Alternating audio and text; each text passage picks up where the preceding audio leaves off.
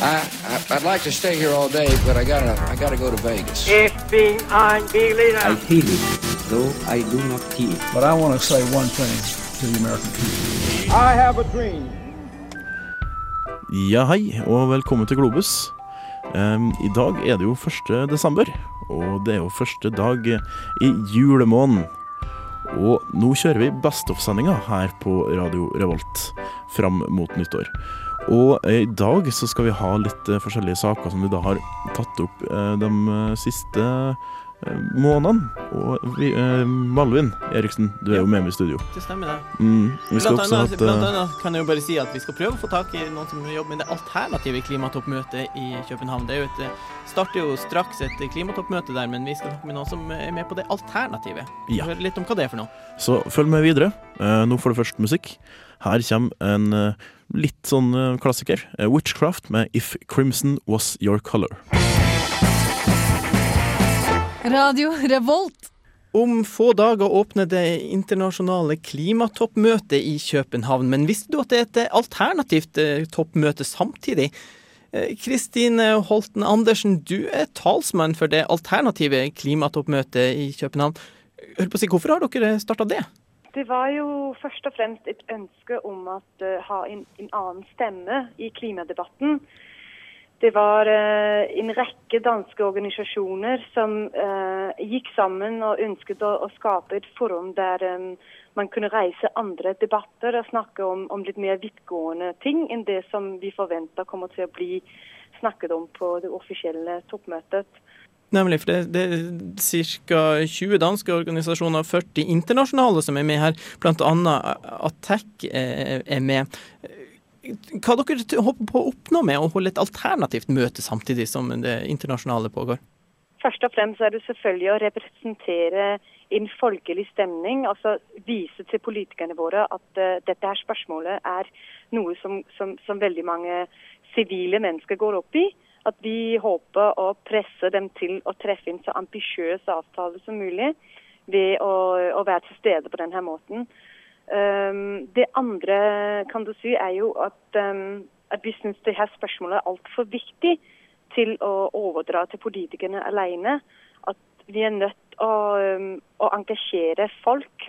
Og det tredje kan du si er at uh, de politiske løsningene som, som skal til, er så vidtgående, syns vi, at uh, vi ikke stoler på at uh, politikerne kan, kan egentlig treffe de beslutningene uten at, at vi presser på. Mm, Men, men Du sier at uh, dere stoler ikke på politikerne, men holdt på å si, eh, nytter det da at man, man møtes en masse organisasjoner og sitter og, og, og holdt på å si, drikker dansk øl og, og koser seg til langt på kveld? Hjelper det noe på, for klimaet? Ja, altså kan man si det hjelper på, på flere nivåer. Det hjelper som jeg sa før, på det nivået at vi, vi viser politikerne det er mange mange folk som er veldig engasjerte i det spørsmålet her, som, som tenker mye på det, og som har, uh, har noen andre svar på de spørsmålene som blir stelt. Uh, og så hjelper det på den måten at det er jo det å skape et uh, globalt nettverk. Vi har jo folk som kommer til København fra jeg tror det er noe med 30-40 forskjellige land som, som jobber daglig med klimaproblemer og løsninger på det. Så, så det vi møter ikke i København, i sivilsamfunnet, uh, gjør at vi, um, vi får skapt et veldig sterkt internasjonalt uh, nettverk. Og, og det er veldig viktig i arbeidet fremover, kan du si. Du nevner København. Hvordan vil du si at det preger København at det nå skal være et svært klimamøte der? Akkurat nå er det veldig, veldig mange ting på gang i København. Um, det er ikke bare det at uh, mange mange embetsmenn og politikere møtes, og derfor er alle hoteller og alt sånt uh, booka i flere år tilbake. Uh, det er også utrolig mange folkelige initiativ. Altså, i, til vårt klimatoppmøte kommer det jo 7000 mennesker som skal bo og være i København. Så er det den store klimamarsj som går eh, 13. desember. Og det er mange andre initiativ.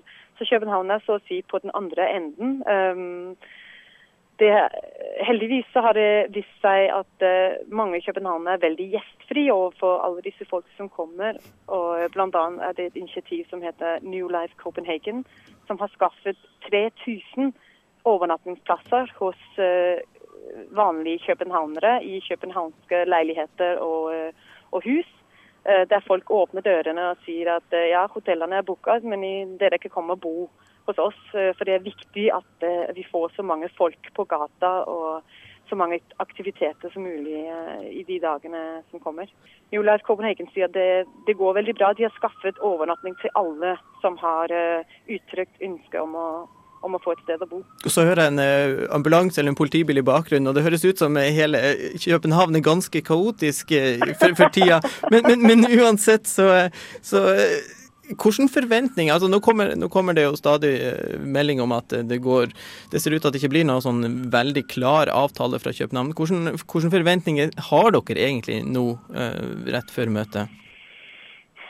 Ja, altså vi, vi er jo veldig lei oss, spesielt for eh, den meldingen som vår eh, statsminister ga eh, i, for et par uker siden, da han var til APEC-møte i Tokyo og sa at det kommer ikke til å bli noen juridisk avtale, det kommer til å bli en politisk bindende avtale på dette møtet. Og Det er jo rett og slett som vi ser det en fallitterklæring. Um, politisk bindende, det er ingenting som, som heter sånt. Altså, um, du kan bare binde folk med, med jorda. Men, um, men, men på den andre siden så er vi så utrolig nøyde og optimistiske omkring alt det som skjer på gateplan, kan du si. Alle de initiativer og alle de mennesker som har engasjert seg i det her. Vi får eh, støtte stadig mye frivillige til forumet vårt. Vi er oppe på 600-700 frivillige. Og det er veldig veldig store tall for å være Danmark og København. Um, så, så vi er både optimistiske på, på alt det som skjer på, på gateplan, men veldig, har veldig, egentlig veldig små forventninger til det som kommer til å skje eh, på det offisielle møtet, dessverre. Men eh, derfor så er det så mer viktig at folk liksom kommer ut på gata og sier at dette her er ikke godt nok. Da må jeg bare si tusen takk til deg, talskvinne for den alternative klimatoppmøtet, Kristine Holten Andersen. Og hvis det var noen som lurte på hvorfor hun snakka norsk, så er det faktisk sånn at Kristine har gått på skole i Norge, så vet dere det også. Radio Revolt. Radio Revolt. Ja, det var altså Kristine Raa fra Direkte fra Danmark, for å si det Direkte fra sånn. Danmark. Eh, Det var alternativet Klimatoppmøte, ja. Mm. Skulle gjerne vært der sjøl, men eh, nå i eksamenstida så blir det litt vanskelig. Stramme tidspunktet her. Men det har Stramme sikkert vært planer. veldig interessant. Og, og vært bare om, Hun sa jo at det var over 7000 som skulle komme på det Mm. alternative klimatoppmøtet, og det er jo ganske mange. Så hele byen er vel ganske på hodet. Ja. For oss som har vært i Kjøpen, så det kanskje, ser det kanskje veldig annerledes ut der akkurat nå. Bare Ja, det- for det bare- politisperring overalt Det er sånn. akkurat det. Det er liksom den tanken på hvordan København bare endrer seg i det, i det tidspunkt- eh, tidsrommet her. da. Mm. Er, og, og det er sånn, du, du har veldig lyst. Jeg bare føler liksom at jeg har skikkelig lyst til å dra ned dit og være med i den marsjen da, den 13. Eh, men eh, uansett, da. Vi, vi går litt videre i sendinga, skal vi gjøre Ja. det? Hva, Hva er det vi, skal ta en låt, men først, hva er det vi får etterpå? Uh, Det er faktisk vårt intervju med Rune Skarstein, førsteamanuensis på NTNU, om, eh, altså i forbindelse med det at det var et, ett år siden den store finanskrisa virkelig bare det, ja, traff vifta, eller the shit hit- the fan. Eh, og ja, han var jo en av dem som da var med og og, og sa at det her kom til å skje da, en god stund før det skjedde, og skrev en bok som han sendte til finansministeren. Og, uten at det hjalp noe særlig, da. Eh, men det får du høre etterpå. Nå får du først eh, The Doors med 'Touch Me'.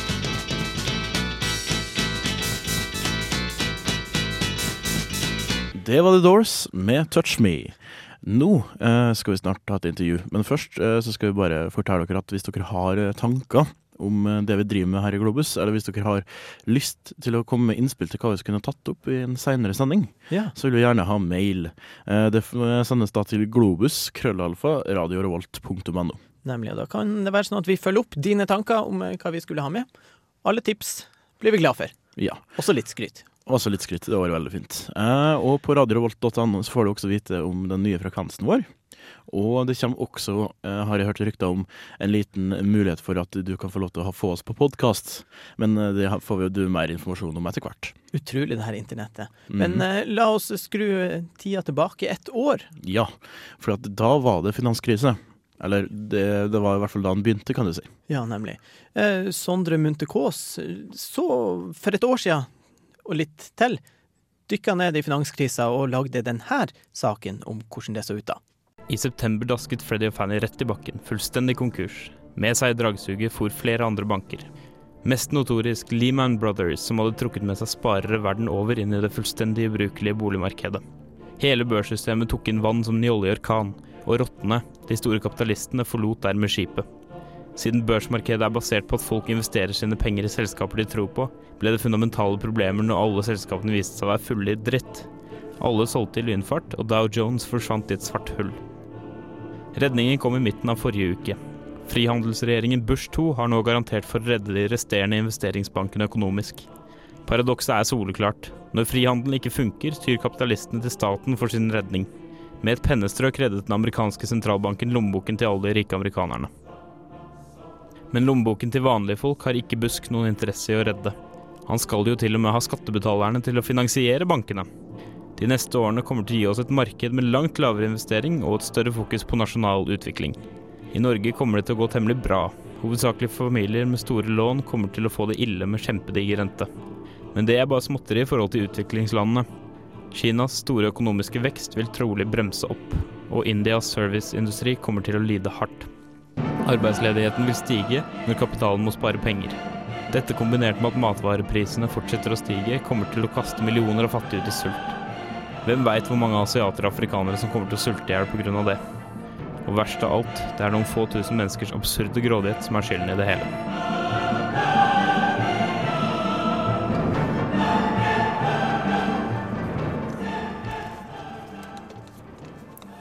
Sånn hørtes det ut for et år siden, Rune Skarstein. Du er førsteamanuensis ved NTNU på Institutt for samfunnsøkonomi.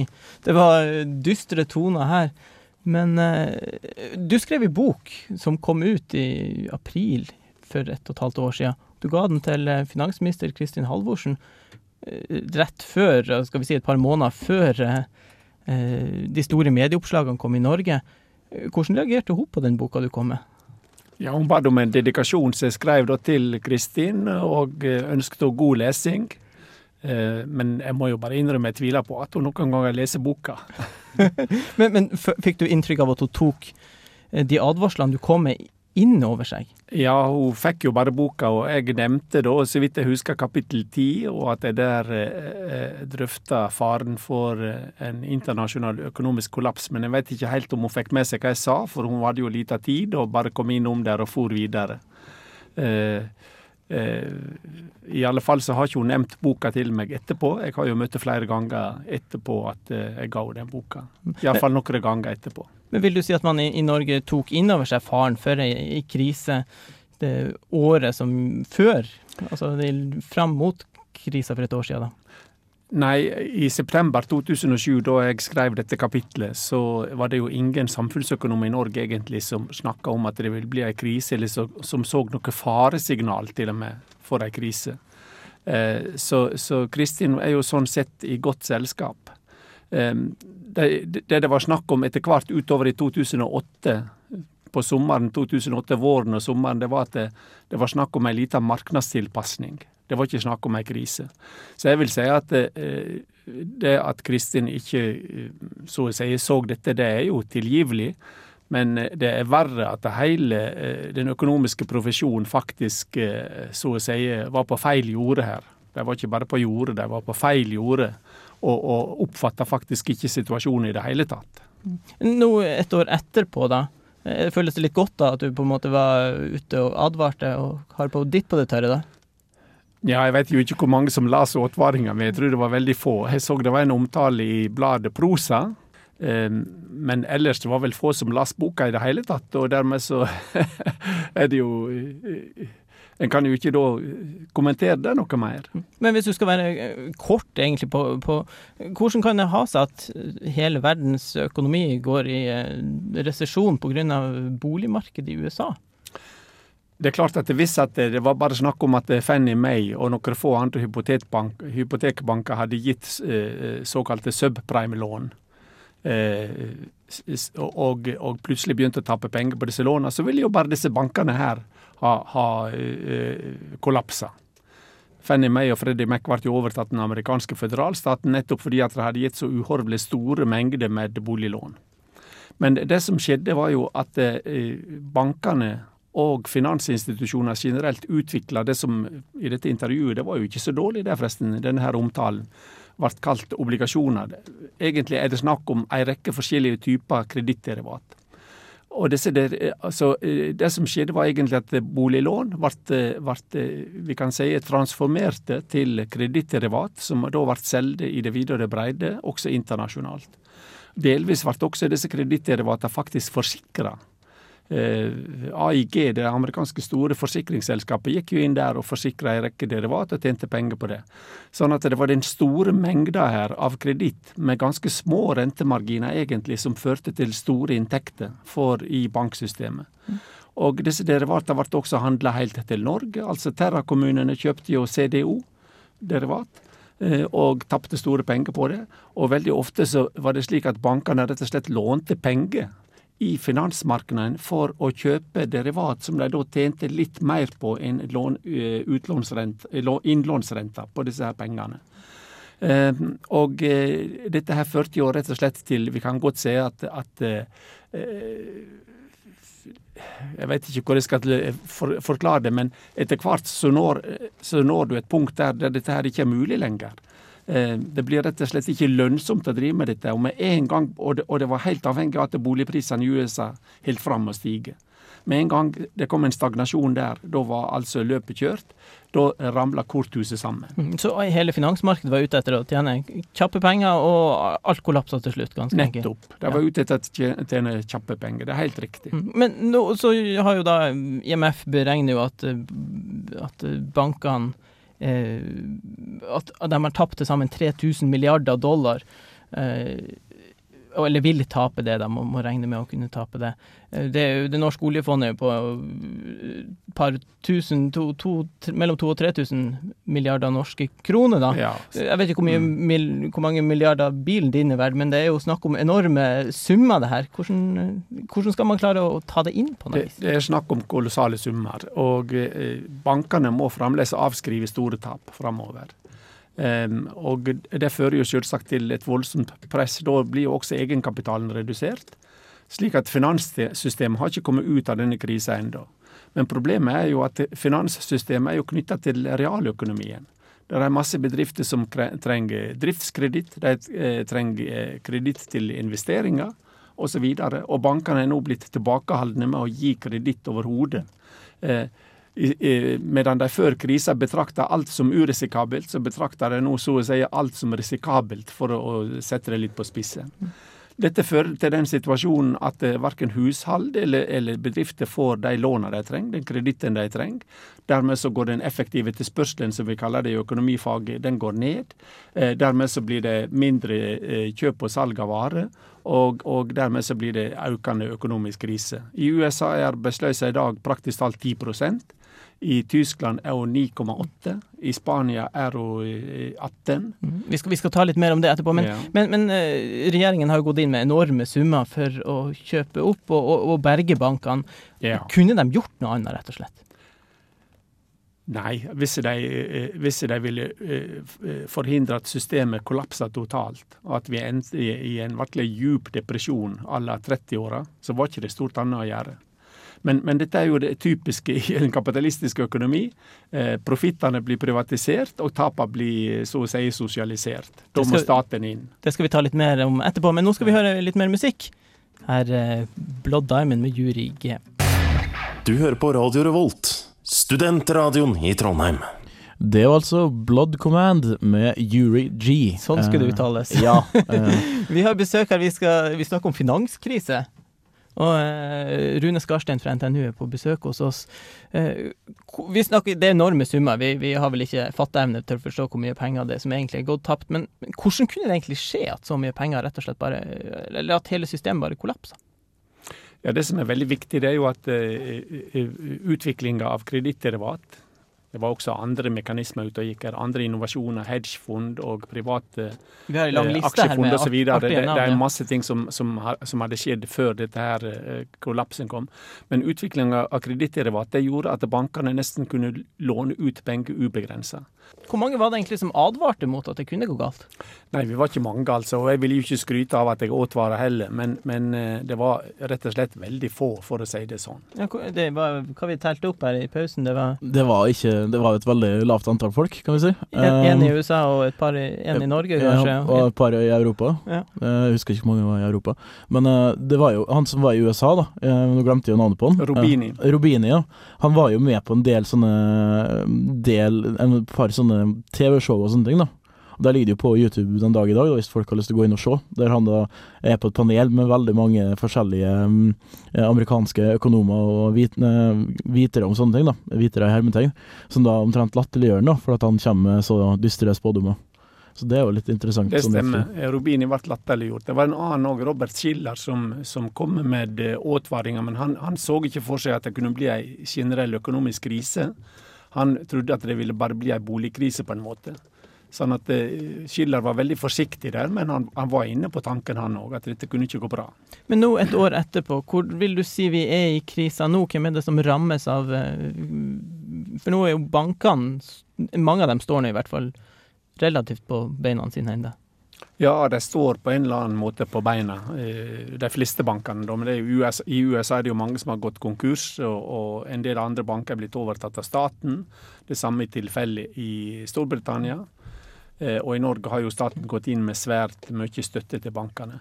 Eh, Problemet i dag det er ikke egentlig at bankene holder på å ramle, men problemet er at eh, det er en veldig svikt i den effektive etterspørselen. Når det gjelder Norge, så er det bare internasjonalt. Effektiv etterspørsel i Norge er riktig høy takket være en, veldig ekspansiv finanspolitikk fra regjeringa. De har kjørt ut masse penger til, til, for å styrke den økonomiske aktiviteten. Men i andre land, særlig de som er veldig eksportavhengige, så er det store problemer. Jeg jeg vil si det sånn at Norge har bare ett problem, nesten, og det er eh, delindustrien til bilindustrien i Europa. De er virkelig i trøbbel. Men også en del av verftsindustrien har problem, for det er eksportindustrien. Eh, Når vi kommer til USA, så er det generelt veldig lav eh, etterspørsel, eh, og dermed høy arbeidsløse. Eh, Jeg nevnte at det er praktisk talt nå 10 Eh, I Spania er det veldig høy arbeidsløse, nesten eh, ca. 18% Ungdomsarbeidsløse er rundt 30% Og i Tyskland nå så nærmer arbeidsløsa seg også 10% og ligger på ca. 9 Eh, og Tyskland er et typisk eksportland. Så har vi da eh, eh, Kina. De har faktisk klart å omstille seg veldig mye, men det er veldig mange arbeidsløse. Kina var veldig eksportavhengig, eh, og eksporten gikk til USA. Så svikta da den amerikanske markedet, og kineserne har da prøvd å kompensere for det med helt kolossale infrastrukturprosjekt, eh, samferdsel, energi osv. Men vi ser at det er arbeidsløse, og situasjonen er på en måte prekær, fordi at eh, økonomiene fungerer ikke normalt. Eh, Jeg vil si det sånn at verken den tyske, den britiske, den britiske økonomien er virkelig trøbbel. Eh, Den amerikanske eh, og den kinesiske økonomien, og dette er store og tunge økonomier. Og den japanske økonomien, veldig eksportavhengig. Bilindustrien i Japan er i kjempeproblem. Disse økonomiene de er, fungerer ikke normalt i dag. Vil du si det sånn at det er i-landene som for øyeblikket merker det mest? Eh, ja, i, landet merker det jo mest fordi at det var der finanskrisa satte i gang. Det var der det, begynte, og der utvikla seg det til en mer generell økonomisk krise. U-landet har den heldige situasjonen, heldig anførselstegn, at eh, finanssystemene finanssystemet deres var lite integrert i, det internasjonale finanssystemet. Bankene var lite integrert. Dermed så fikk de egentlig ikke en finanskrise, men de har fått en masse andre problem. Eh, Eksportvolumet har gått ned pga. sviktende utenlandsk etterspørsel. Prisene har sunket. Eh, det vi kaller remittances, vi kan kalle det overføringer fra eh, eh, arbeidere som arbeider i utlandet, hjem til, til heimlandet. Disse overføringene har blitt alvorlig redusert, og de betyr veldig mye for mange land. Faktisk så er disse totale overføringene før krisa kom, så var de dobbelt så høye som den totale eh, u- u-landshjelpa fra, fra alle industriland. I tillegg så er vel kanskje ikke uhjelp likevel så populært lenger nå når eh, Og u-hjelpa ser ut også til å ville stagnere. mm, Hvor ille er det for de her utviklingslandene? Nei, det er jo ganske ille for, for mange av dem. Eh, eh, vi ser i, i Afrika det er en rekke land, sær- særlig råvareeksporterende land, som nå har store problem. Eh, og det fører jo til problem på, på betalingsbalansen. De kan ikke importere de varene de trenger. og går også dermed inn i denne vonde sirkelen. Vi skal ta litt mer om finanskrisa, men vi skal ta en sang først, skal vi ikke det? Vi kjører på en sang. Jeg tror det blir Blitzentrapper nå, med Big Blackbird. Det var altså Blitzen-trapper her på Radio Revolt. Du hører på Globus, og i dag så har vi om finanskrisa. Ja. Det var Vi feirer vel på et vis at det er ett år siden konkursen i Lehman Brothers og hele den kollapsen der. Jeg tenker litt, Da var det veldig mye snakk om å endre reglene for finansmarkedene, og særlig var Europa og pressa litt på det. Rune Skarsten, du er fortsatt førsteamanuensis ved NTNU, Institutt for samfunnsøkonomi. Hvor er det blitt av alle de her regelendringene som alle snakka om for et år siden? Foreløpig så har det blitt bare snakk, stort sett. Det var jo snakk om ei rekke forskjellige regelendringer, fra å forandre kravene til egenkapital, eller det vi kan kalle kapitaldekning på utlån, til å, å regulere bonusutbetalingene til direktørene osv., altså forandre det som en kaller insentivsystemet i bankene. Faktisk, faktum er at ingenting av dette her har skjedd hittil, og det blir ikke internasjonal semje om det heller. Det er jo problemet. Ja, Hvorfor blir det egentlig ikke det? Nei, amerikanere, USA, de vil ikke ha så mye regulering som europeerne. Tyskerne vil ha masse reguleringer. Men det har skjedd en del ting som skjedde akkurat under, da krisa var på sitt mest heftige. F.eks. shortsalg ble forbudt for banker, når det gjaldt banker i USA. Lehman Brothers raste jo veldig fort ned pga. at en ei rekke hedgefond drev med shortsalg av aksjene i, i, Lehman Brothers. Og det, for, det, vil jo i seg selv føre til en, rett og slett en dynamikk i nedgangen på aksjekursen. Eh, I Tyskland gikk de lenger. Der ble alle, alt shortsalg forbudt. Eh, og det betyr egentlig at hedgefond i praksis er forbudt i, i, Tyskland. Ja, I, I, Norge er de ikke forbudt. Mm, for hedgefond er kanskje det blant de verste fondene, for å si det sånn? Ja, det, altså Problemet er at hedgefondene sin aktivitet det, det, I lærebøkene så står det jo at de skal skape eh, riktige priser i verdipapirmarkedet. Eh, problemet er at de skaper en enorm ustabilitet i markedet. Og det vet vi helt siden George Soros gjorde sitt store kupp på det med å, å shorte det engelske pundet. Mm -hmm. Sånn at det, eh, lærebøkene er ikke i takt med virkeligheten i det hele tatt, mm. for å si det mildt. Hvilke veier ser du egentlig ut av den krisa vi er i nå? Ja, Det er vanskelig å, å si. Altså det, det, vi vet nå, det er jo at det er også store ubalanser i verdensøkonomien. Eh, USA har eh, et trippel underskudd. Underskudd eh, i privat sektor, underskudd eh, i offentlig sektor og et underskudd, akkumulert enormt underskudd i, i handelsbalansen. Og disse underskuddene bare øker fremdeles. Særlig underskuddet i handelsbalansen og offentlig underskudd øker kolossalt. Eh, og eh, disse underskuddene, motstykket til dem er faktisk at de, genererer jo effektiv etterspørsel etter varer, importvarer. Slik at eksportørene rundt om på jorda er avhengige av disse underskuddene. Og mange eksportører har på sin side enorme store overskudd. Japan, Tyskland, Norge med oljen. Og hvis disse her ubalansene skal fjernes, det vil, jo, det vil jo være en utrolig smertefull og antageligvis krisefylt prosess. Eh, som jeg ikke kan se helt utgangen av. Og, det, og, dette her er kritisk fordi det, eh, ubalansen blir større og større så å si for hver måned som går nå. Ja, Kan man finne noen andre eksport, nei, noen andre økonomiske motorer enn USA da, som bare kan overta, og så retter vi opp i systemet på det viset? Foreløpig så finnes det ikke den motoren. Det er det som er at eh, USA gjennom å, å generere disse De har jo dollaren.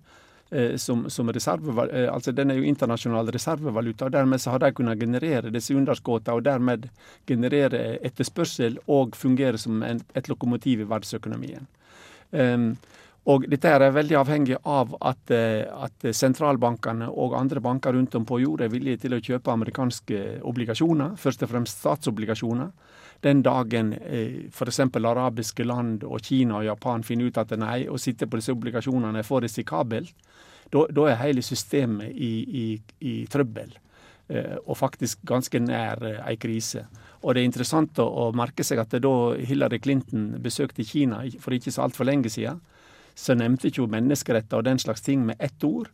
Hun bare nevnte én ting først og fremst, og det gjentok hun flere ganger. Hun bad kineserne å holde fram og kjøpe amerikanske statsobligasjoner. Mm.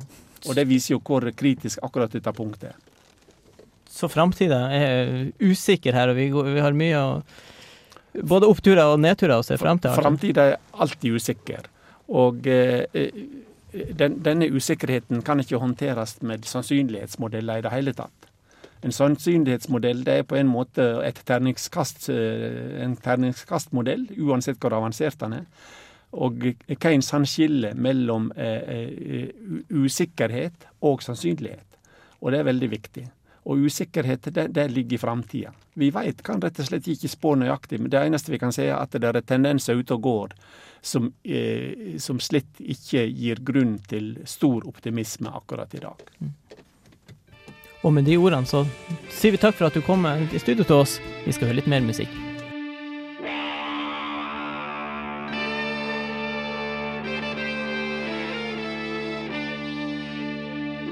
Det var altså Wolfmother med 'Background'. Eh, folkens, nå er det jo altså, Nå står jo Trond og Runar med meg her i studio. Og folkens, hvordan går det med eksamenlesinga? Tja, i hvert fall for min del så er jo jeg her, så det, det indikerer jo litt eh, hvordan det går med lesinga, da. Mm. Så jeg har jo siste eksamen nå bare om noen få dager. Ja. Men det begynner å nærme seg jul, vet du, så det er jo på tide å ta de. Ja. Jeg syns den lille stillheten før noen av oss tok ordet, var der vi bare veksla et blikk, og vi innså at eh, det kunne ha stått bedre an. Det er vel det vi prøver å si. Ja. Men det er vel sånn som studenter flest her i Trondheim. Altså, vi, vi er aktive med andre ting utenfor studiene, og vi, er, vi har selvfølgelig også et øye på studiene. Og så er det skippertak, folkens. Ja. Det er det er den tida vi er oppe i nå. Det er ikke julestria, det er skippertakstria, rett og slett. Eh, men føler dere av og til at dere har litt mye å gjøre da, rundt jule-skippertakstida? Ja, jeg syns jo det er mye å gjøre på. Det jo, men eh, på en måte, det er jo sjølvalgt. Eh, Jeg studerer fordi at jeg har lyst til det, og det kommer til å gi meg fordeler senere. I tillegg til at det kan være veldig gøy, selv om Mm. det ikke nødvendigvis er det nå i, midt i eh, Ja. Ja. Uh, Martine hun sleit jo litt med semesteroppgavene sine. Eh, Martine Feste Ellefsen også, uh, tidligere i år. Og fant ut, men så kom hun på det at det er jo folk som har, har det verre enn eh, sånn hun har det. Både i eksamenstida og under semesteroppgaveskrivinga. Og eh, som altså, f.eks. afghanske jenter, da, som da får problemet at de får kasta syre i trynet på seg hvis de prøver å gå på skolen. Og her får du hennes, hennes vesle reportasje om det. Siden barneskolen har vi, de norske elevene, klaget over altfor mye lekser og vanskelige prøver. Få av oss har alltid hatt et positivt syn på skolen, og enda færre har virkelig gitt alt for å få den beste utdannelsen mulig. Også på universitetet, som vi tross alt har valgt selv, klager norske studenter mer enn noensinne. Vi har for mye pensum og for lite penger. Men vi bor faktisk i et av verdens beste og rikeste land og høyere utdannelse er helt vanlig her. På tross av dette er vi fortsatt ikke fornøyde. Men for å gi dere alle litt dårlig samvittighet før eksamenstiden setter inn, har jeg valgt å se litt på hvor heldige vi norske studenter egentlig er. I Norge har både menn og kvinner lik rett til høyere utdannelse, og vi får stipend for å gjøre det. Vi har gode lærere, flotte lokaler og trygge skoleveier. Men hva hvis noen har tatt vekk alt det? En morgen i oktober 2008 var 16 år gamle Shamsia Hussaini og hennes søster på vei til den lokale jenteskolen i Kandar, Afghanistan. Det var da en mann på motorsykkel stoppet opp ved siden av dem og spurte om de skulle på skolen. Plutselig tok han tak i burkaen til Shamsia og dro den av håret hennes mens han sprayet ansiktet hennes med syre. I dag er ansiktet til jenta fullt av arr, og synet hennes er så godt som ødelagt.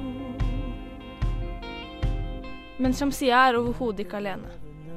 Det har blitt rapportert 14 andre lignende angrep på elever og lærere i byen der hun bor. Og det eksisterer mange angrep som ikke har blitt anmeldt. Men på tross av terrorisering, trusler og syreangrep, er samtlige av de 14 lærerne og elevene i dag tilbake på skolen. Dersom Sia ble spurt om hvorfor hun fortsatte på skolen, svarte hun at foreldrene hennes ville at hun skulle kjempe for sin rett til å gå på skolen, selv om det hadde kostet henne livet.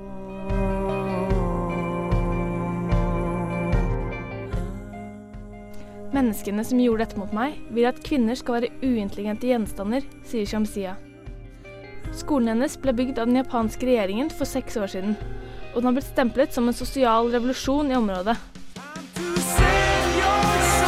Talibans grep om området blir stadig sterkere, og jentene er tvunget til å løpe i frykt i en samlet flokk til skolen hver dag. Flere av dem har flere kilometer lang skolevei. Skolens mareritt ble realisert den 12. november 2008, da tre menn på motorsykler sirklet rundt skolen og traff 15 elever og lærere med syre. Man tror at Taliban, som mener at kvinner ikke skal utdannes, står bak angrepet, noe de benekter. Taliban er aktiv i samfunnet der Shamsia bor, og i moskeene henger det titalls plakater med påskriften 'Ikke la dine døtre gå på skolen'. Shamsia, som så vidt kan se, har blitt fortalt at hun kanskje må undergå plastisk kirurgi, for arrene er for store til å forsvinne av seg selv. Dette ville uten tvil tynget de fleste av oss. Men jenta leker og ler med de andre som om ingenting skulle ha skjedd. Hun sier at utdannelse er det eneste som kan redde Afghanistan.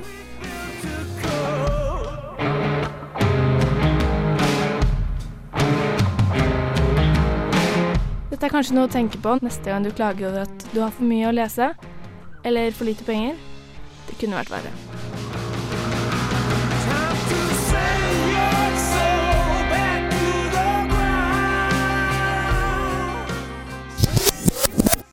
Kulturdepartementet har i all sin visdom bestemt seg for å ta oss av frekvensen du nå hører oss på, 1.1.2010.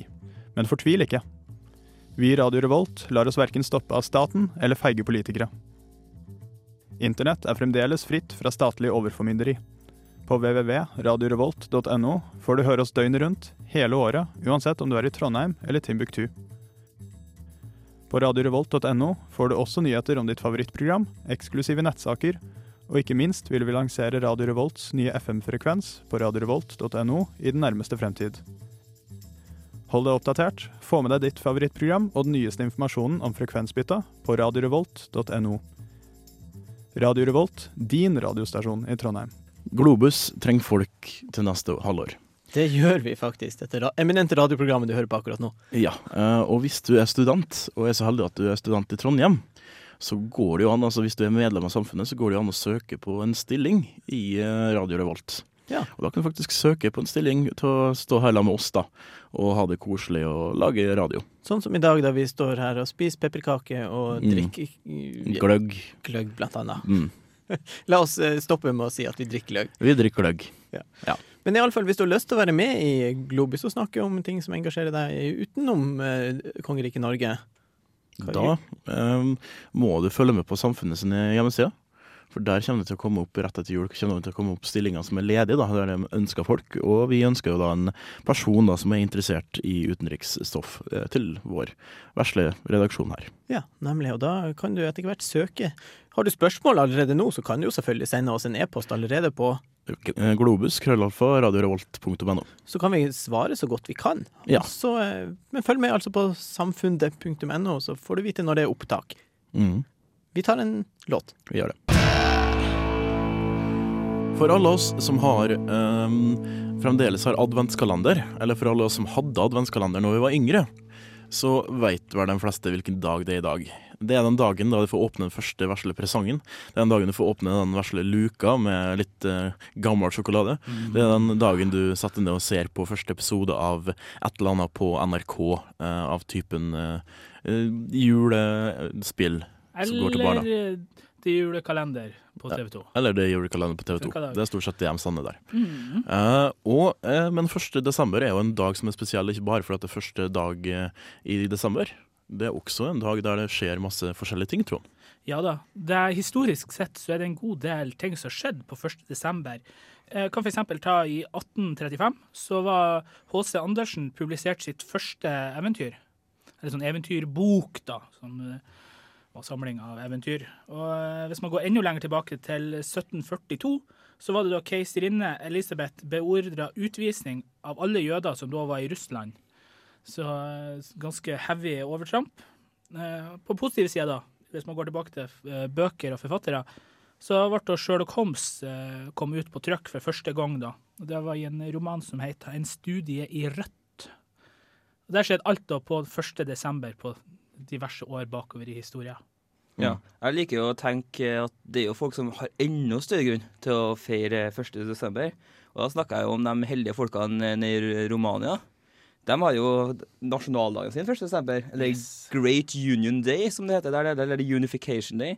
Og den markerer jo rett og slett bare at man etter den der borgerkrigen som var i eh, 1989, så fikk man da, eller revolusjonen som var i 1989, så fikk man samla Transylvania, eh, provinsene Basarbia og Pukwania og inn i det da romanske riket, som man fikk et helt land. Så der feirer man ikke bare at man får åpne den første luka med gammel sjokolade, man feirer også samlinga av landet. Mm. Det er jo veldig viktig, da. Jeg skal si at jeg er veldig glad i den sjokoladen òg, da. Ja. Eh, det som er litt artig når det gjelder, det som er litt artig når det gjelder Danmark eh, på den første, første desember, er at eh, det er en ting som kanskje var litt eh, både positivt og negativt for Danmark, og det var det at Island de, de, eh, altså, eh, Folketinget i Danmark da, de eh, vedtok jo da at Island var selvstendig den 1. desember. Det var i året Skal vi se Det var i året 1918, faktisk. Tenk det, danskene i 1918 så de der islenderne de kommer til å gå på en smell under finanskrisa, og vi vil ikke bli dratt med det jævla dragsuget. Så 1918 sa de vi gjør dem selvstendige og se. I dag har danskene kjent på det. Og rutinert. Mm. Andre ting, da, med danskene, da. De hadde de hadde sin første vellykka kjønnsskifteoperasjon på 1. desember. Det var da i 1952, så det var jo mot nyere tid. Mm. Veldig masse rart som har foregått. Eh, vi skal gå videre i sendinga, tror jeg. Og nå så skal vi få høre Hva er det vi skal få høre nå? Vi skal høre en eh, liten eh, Ja, en liten fin sang. Den, heter, den kommer fra det veldig koselige bandet Slayer, som bare er koselig og skaper julestemning i, ja, i hvert fall her i studio. Julefred. Julefred, rett og slett, med American. Radio Revolt. Ja, da fikk du altså American der. Det var Slayer som var artisten, som du kanskje hørte.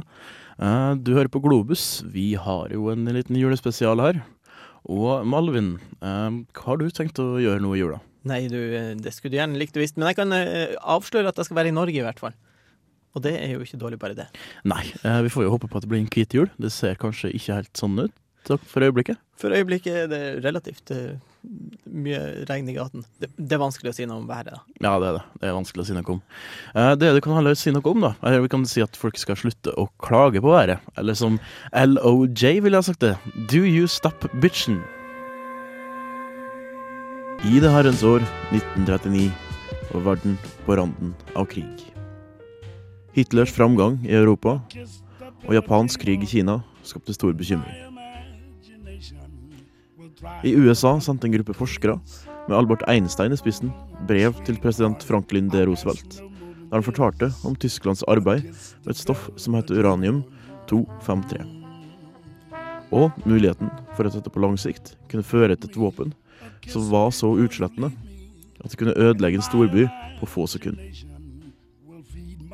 Presidenten han tok affære og bestemte seg for å lage sin egen bombe, bare sånn i tilfelle. The Manhattan Project var født. Og de neste seks åra ble det brukt over to milliarder dollar, som var en ganske stor sum i 1940-åra, på prosjektet som ble styrt av J. Robert Oppenheimer.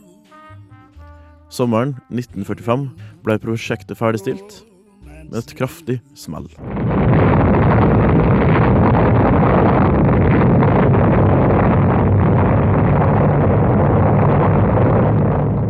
Det første Oppenheimer sa etter at eksplosjonen hadde lagt seg, var Jeg har blitt døden, verdens ødelegger. Testsjefen Ken Bainbridge var litt mer tørr da han sa Nå har vi alle sammen blitt drittsekker.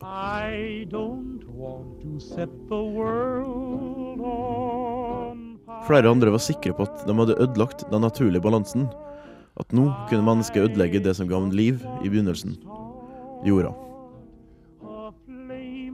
Mange av dem som var med på å skape atombomber, tenkte i ettertid at det kanskje ikke var den smarteste tingen de noen gang har gjort. Og prøvde bl.a. å stoppe videre produksjon ved hjelp av underskriftskampanjer, men til ingen nytte. Den nye presidenten, Harry S. Truman, hadde andre planer. The day after the atom bomb exploded over Japan's seventh largest city and etched its message of doom to an empire. Heat traveling at the speed of light cast a shadow over Hiroshima and over the land of the rising sun. These films, taken by the Japs and confiscated after the armistice, tell a dramatic story of destruction and terror that followed in the wake of the first atom bomb loosed over a military target. 30% of the city's population was killed, some by radioactive gamma rays and others by the heat of radiation that showed its intensity in many freakish ways. Den 6. august ble den første av i alt to bomber som noen gang er brukt i krigstid, sluppet over den japanske byen Hiroshima. 63 000 ble drept momentant, og 69 000 ble skadd i angrepet, som besto av ei bombe på 10 kilotonn. Den andre bomba ble sluppet over Nagasaki tre dager seinere. Den bomma på målet, og drepte bare 32 000 og skada bare 25 000. Flere døde også seinere av radioaktiv forgiftning fra regnet som falt i dagene etter angrepet. Til tross for at den ene atombomma ikke helt traff målet sitt, ble arbeidet utført, og Japan overga seg. Samtidig viste USA verden, og da spesielt Sovjetunionen, at man ikke skulle kødde med dem. Og den kalde krigen, den var et faktum. A life of bare essentials is the lot of the little men who dreamed of world rule and ended up as hosts to Uncle Sam's occupation army. The trolleys are running, but a year later it's still a city of the dead. First victim of the atom bomb. Det er Torstein Hyl, Sindre Brok. Stort sett her så liker jeg altså rime. Og jeg hører kun på Radio Revolt. FM 97,9, baby!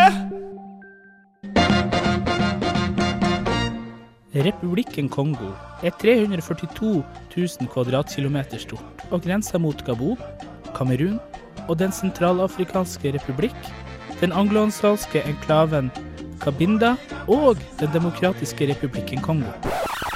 Ja, du hørte rett. Det finnes både et land som heter Republikken Kongo, og et som heter Den demokratiske republikken Kongo, og de er naboer. Litt som om Norge og Sverige begge skulle hete, la oss si, Island, bare med forskjellig uttalelse. Så her er det lett å misforstå. Landet vi skal snakke om i dag, er Republikken Kongo, og må ikke forveksles med Den demokratiske republikken Kongo, som i den senere tid har vært mye i medias søkelys. Hovedstaden i Republikken Kongo heter Brazzaville, og ble anlagt i 1883 oppkalt etter den franske oppdagelsesreisende Pierre Brassa. Men landet har en mye lengre historie som går tusener av år tilbake. Før 1300-tallet var området der i dag vi har Republikken Kongo besatt av forskjellige jegerfolk, men på 1300-tallet ble de her mer eller mindre fordrevet av bantufolket som bosatte seg og drev med jordbruk. Portugiserne kom innom på 1400-tallet og ødela det som på dette tidspunktet var blitt et sterkt samfunn sammenlignet med landene rundt. På 1600-tallet kom franskmennene og satte opp handelsstasjonen, og i 1885 grunnla Frankrike koloni der Republikken Kongo ligger i dag.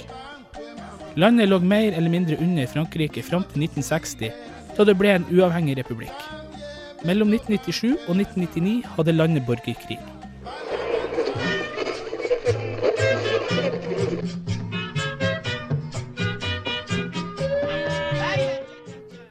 I 2008 hadde styret i Republikken Kongo det meste av media under sin kontroll. Dette inkluderer en TV-stasjon, tre radiostasjoner og en avis. Andre aktører, som frittstående radiostasjoner, er meldt å være under veldig press fra staten og holdes delvis under kontroll. Landet har også problemer med at enkelte folkegrupper, hovedsakelig pygmeene, blir holdt som slaver av bantufolket. Dette er gamle tradisjoner som er vanskelig å bryte, og det mest vanlige er å finne det her i de nordlige delene av landet. Republikken Kongo har et varmt klima, med snitt på mellom 20 og 30 grader celsius i hovedstaden. Landet har store fjellkjeder, bl.a. Mayobe-kjeden, som stiger opp fra kysten og går inn i landet. Den nordligste delen av landet består av flate daler med regnskog. I den sørlige delen av landet er det mer jordbruksdistrikter og industri. Mellom juni til september er det tørketid i landet, som ellers får mye nedbør.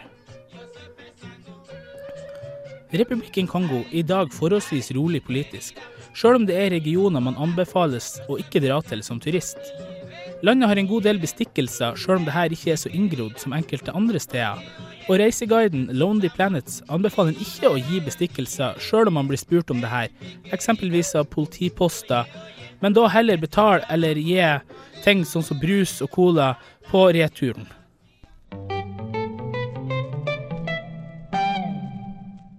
Republikken Kongo har en lang musikkhistorie som de i hovedsak deler med nabolandet Den demokratiske republikken Kongo. Sjangre som tradisjonell musikk, jazz og avarter av cubansk musikk har gitt landene i regionen sjangre og stiler som er helt enestående. Av de mest kjente er Bontos de la Capitale et av de mest kjente. Republikken Kongo er et land man burde besøke.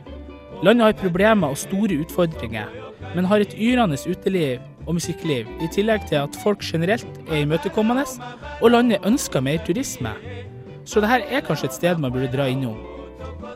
Faktisk så går det direktefly fra Paris til hovedstaden Brazzaville to ganger i uka. Så da er det bare å besøke. Du hører på Globus. Der fikk du Run to the Hills med Iron Maiden. Eh, hvis du har eh, tips til hva vi kan eh, sende om eh, et par uker, siden over nyttår, så vil vi gjerne ha det. Eh, vi tar imot små, og dårlige, dårlige og gode tips. Nei, det er ingenting som heter dårlige tips, da. Neida, bare gode tips. Bare gode tips. Det er bare, bare dårlige holdninger, kan vi si. Eh, ingen dårlige tips, bare dårlige holdninger. Man kan sende mail. Det kan man også gjøre. Det er på globus krøllalfa Eller man kan sende SMS. Det kan du også gjøre. Det er RR til 2030. Koster deg ei krone, og det kan hende vi ikke leser henne. Ja. Ja. Ja. Mail er med andre ord safest Mail er safe, safest, for det leser vi alltid. Vi er veldig glad i mail. Og det er gratis. Mm. Eh, klimaforandringer, gutta. Tror dere på det? Tja, det- det ser jo ikke ut som at det blir så veldig mye som kommer til å skje med det, så hvem vet? Jeg sier to ord. Mhm. Historiske svingninger. Har vi hatt istid før? Ja. Har isen smelta? Ja. Har isen kommet tilbake? Ja. Har isen smelta? Ja. Jeg tror vi bare er på vei. Hvor er vi nå? Det blir varmere. Ja, vi er fortsatt vi er på vei til en topp, da, en varmetopp, og så detter vi plutselig ned igjen, så blir det litt istid. Så kanskje når vi er 90, altså når vi er nå rundt 22, 23, 24, 21, vi som står her nå, så når vi blir rundt 90, så blir det kaldere igjen, og så sier folk at vi må forurense mer da, for å motvirke denne kuldeeffekten. Altså, er svingninger, sier jeg. Yes. Uh, vi dro i hvert fall framover i tida, på et eller annet merkelig vis. 90 år framover i tida, faktisk. Uh, til det herrens år 2099. Uh, siste året av det første århundret i 2000-tallet. Til en liten plass som er ganske fin nå, da. Eh, veldig masse sånn feriegreier og sånne ting. Eh, veldig mange små øyer som heter Maldivene. De står antageligvis under vann, eller som vi fant ut av, de gjorde. Maldivene. Et ferieparadis i vår tid.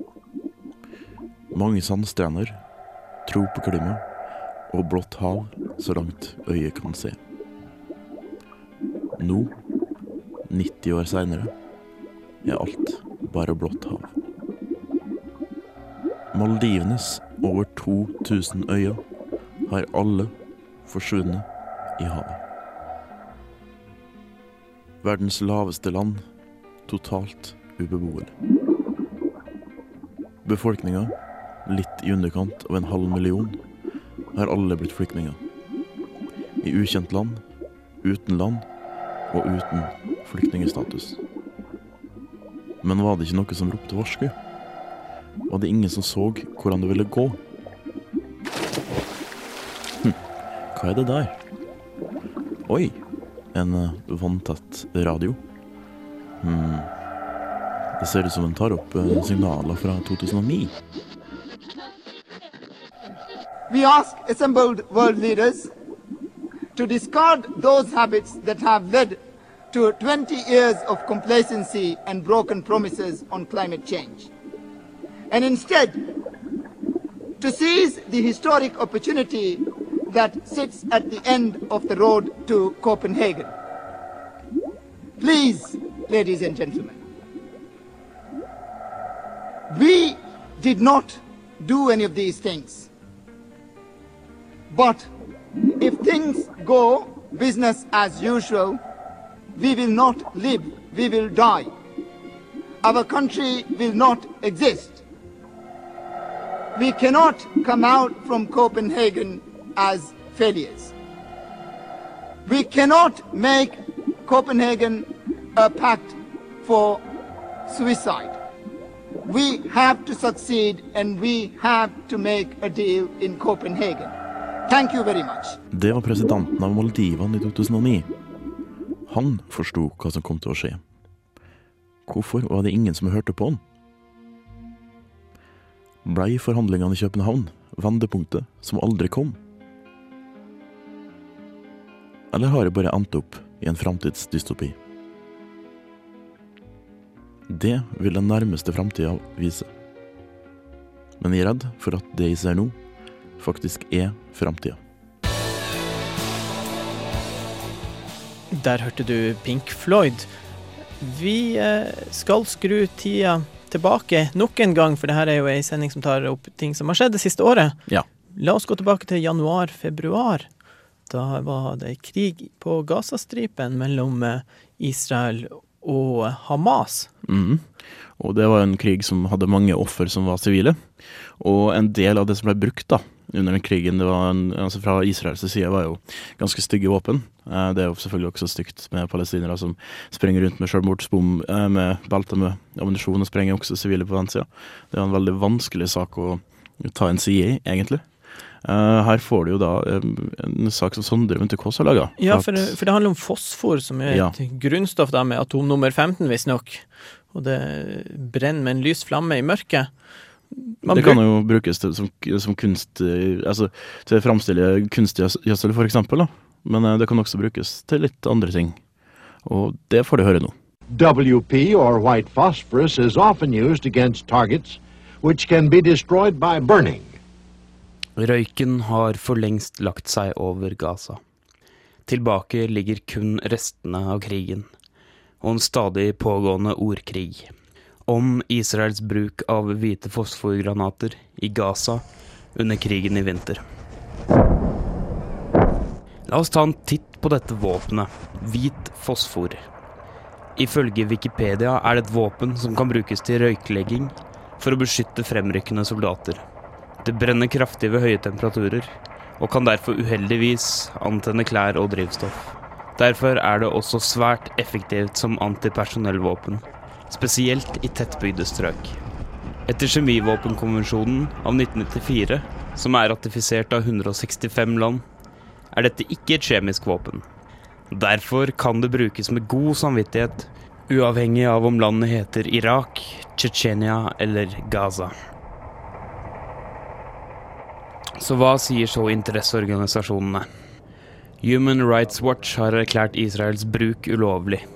IBA, en overvåker av internasjonal rett, framhever at våpenet ikke skal brukes i sivile områder, da det forårsaker unødvendig skade, altså dødelige brannskader. Selv FN, den vanligvis så tilbakeholdne organisasjonen, hevder at våpenet ble brukt, også mot deres eget hovedkvarter, i Gaza.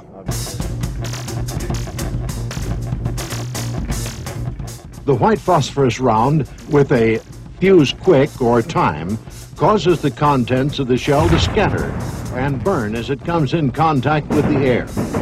This is very effective against vehicles, fuel or ammunition storage areas, and encampments. Ordene til Mats Gilbert klinger altså fremdeles i ørene våre. Sitat. Jeg mistenker sterkt at Gaza blir brukt som laboratorium for nye våpen. Og ordene kommer fra en lege. Dette følger i kjølvannet av en lang historie for våpenet hvit fosfor. Oppfunnet av britene under første verdenskrig, deretter brukt over Dresden og London under andre verdenskrig. Korea, Vietnam og under slaget om Grosny i 1994. Saddam mot Kurdistan i 1988, og ikke minst av USA i Irak. Fallujah 2004. Det gamle ordtaket 'brent barn skyr ilden' har altså fått nytt meningsinnhold. Men en mer presis, moderne variant ville kanskje vært 'brent barn lukter svidd muffens'. Det er iallfall noe som ikke stemmer i vitneforklaringen til Israel. which can be destroyed by burning. White phosphorus, white, white, white, white phosphorus, phosphorus, which can be destroyed by burning and burn as it comes in contact with the air. Radio Revolt. Hey, Santa, pass us that bottle, will you? Yes, Bare for at eh, dere skulle få litt julestemning, så sendte vi der Gjetter og Tull med A Christmas Song. Dere grådige jævla hele gjengen. Uh, uansett, uh, har dere noe forhold til Finland, gutta? Skolemassaker tenker jeg på, så sauna. Jeg er litt mer ukultivert, i lys. Jeg tenker vodka. Tenker Alle de tre tingene stemmer jo for så vidt, eh, men de er også flinke med musikk. Og eh, Malvin Eriksen og Jarl Erik Mathisen de har jo da laga ukas eh, musikkinnslag, internasjonale låt. Og det er faktisk eh, det litt kjente bandet The Rasmus som er ute denne uka her. Hør melodien, hør rytmen, slipp deg fri. Her er ukas internasjonale melodi. Ja, da skal vi til ukas internasjonale melodi, og nå skal vi til vår lille nabo i øst. Det blir Finland du har vært i, Malvin. Ja, jeg vil si at jeg har ikke vært der fysisk. Faktisk Nei, ikke. Men i ånden, i ånden. I ånden. I hvert fall så er det eh, svensk Svensk-finsk P3, det blir det noe sånt vi kan sammenligne med. Mm. De har et band som heter The Rasmus på sine spillelister akkurat nå. Mm. Gammelt band, egentlig. Ja, jeg har Fire- 94 starta de vel egentlig, sånn, sånn som er kommet ut fra videregående en gang i tida. Det var The Rasmus det het? Ja, det var det nemlig. Eh, De har også hett Sputnik i starten, når de begynte å spille i 94, da, og så har de også skifta navn flere ganger, men uh, The Rasmus som de heter nå, da. Men uh, hvorfor The Rasmus? De kunne liksom ikke gi noe forklaring på det. Nei, ok. ja, nei. Den kombinasjonen av de finske ordene trash og mors, altså som er musikk og eh, hull, da. Hvis du sammen, kobler de, ja, hvis du kobler de to sammen, så får du Rasmus, som de da tydeligvis ikke visste var et svensk guttenavn. der. Såpass, ja. Nei, jeg har hørt om de for lenge siden. Hva slags ø, sjanger er det de egentlig plasserer seg i? Ja, si det egentlig. Det er nå litt sånn eh, metallsjanger var det opprinnelig, og så har det blitt litt i alle retninger etter hvert. Da. Det er, de har vært sammenligna med Kent også, dype, mørke, triste sangtitler. Ja, jeg husker i hvert fall at du ble beskyldt for å være litt pusete til å være metallere, så det kan vel godt hende at jeg har sklidd litt ut der. Men du hadde hørt om dem, for de har hatt flere hiter, nemlig. Ja, nei, men jeg tenker De har jo ikke vært så store internasjonalt på lenge, som jeg kan huske i hvert fall. Men når det går noen år tilbake, så var jo de Hadde de noen hits.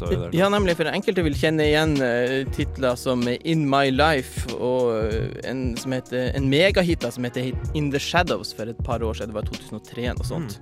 Det er den mest kjente. De, gikk faktisk eh, til nummer én både i Tyskland, Østerrike og Sveits, faktisk. Så det er litt bedre kjent nede på kontinentet enn kanskje i Norge, da. Men uh, jeg har ikke hørt noe fra det på lenge, i hvert fall. Men det skal bli spennende å høre.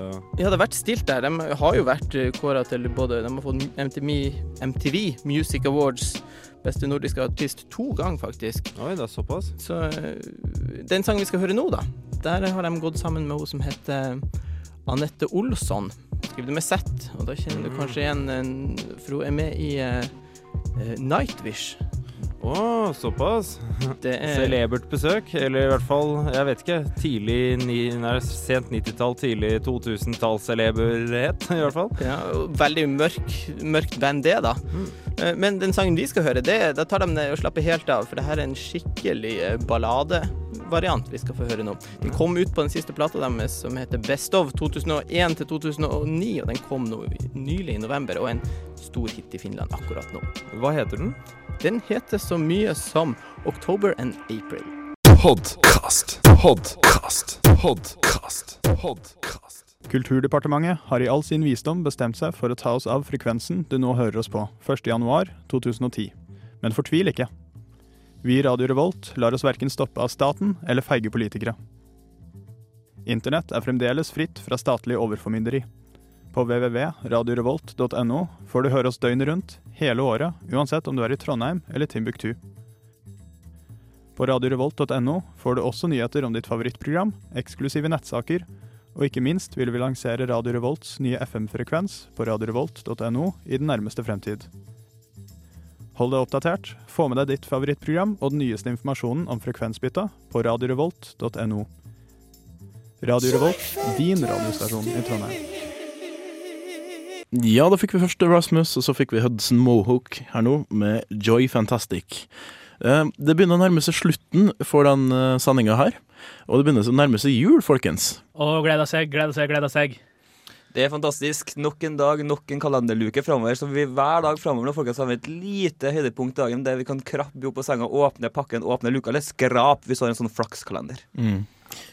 Det hadde vært veldig fint hvis du hadde hatt en kalender i hele tatt. Eh, Med meg så er det ganske usikkert eh, hvor det har blitt av kalenderen min.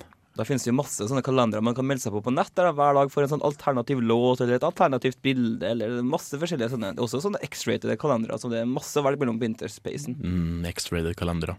Ja, det kan være ei god jul for eh, oss som er litt enslige også, Trond. Ja, det kan det vel helt sikkert bli. Yes, yes. Men eh, hør på oss eh, videre. Eh, vi kommer jo til å være her hele jula, og helt fram til eh, da Kulturdepartementet sier at nok er nok, og vi får ikke lov til å være på den frekvensen her. Men da, folkens, så er vi fremdeles på nett. Og der kommer det også antageligvis en podkastløsning om eh, tider og stunder, ganske snart. Vi kommer tilbake med podkastløsning. Ja, og da, folkens, da kan dere 4000 som lasta oss ned sist gang, dere kan laste oss ned på nytt. Det blir veldig kos. Eh, Men nå vil jeg bare takke dem som har vært med. Trond Borregaard, Malvin Eriksen, Runar Sivertsen, eh, Jarl Erik Mathisen, eh, Martine Feste Ellefsen, eh, Vivi Ringnes, som har vært med som eh, teknisk eh, hjelp. Eh, Mitt navn det er Anders Måsen, og her får du en god gammel klassiker, eh, i hvert fall når det gjelder Globus. The Flower Kings med Ghost of the Red Cloud.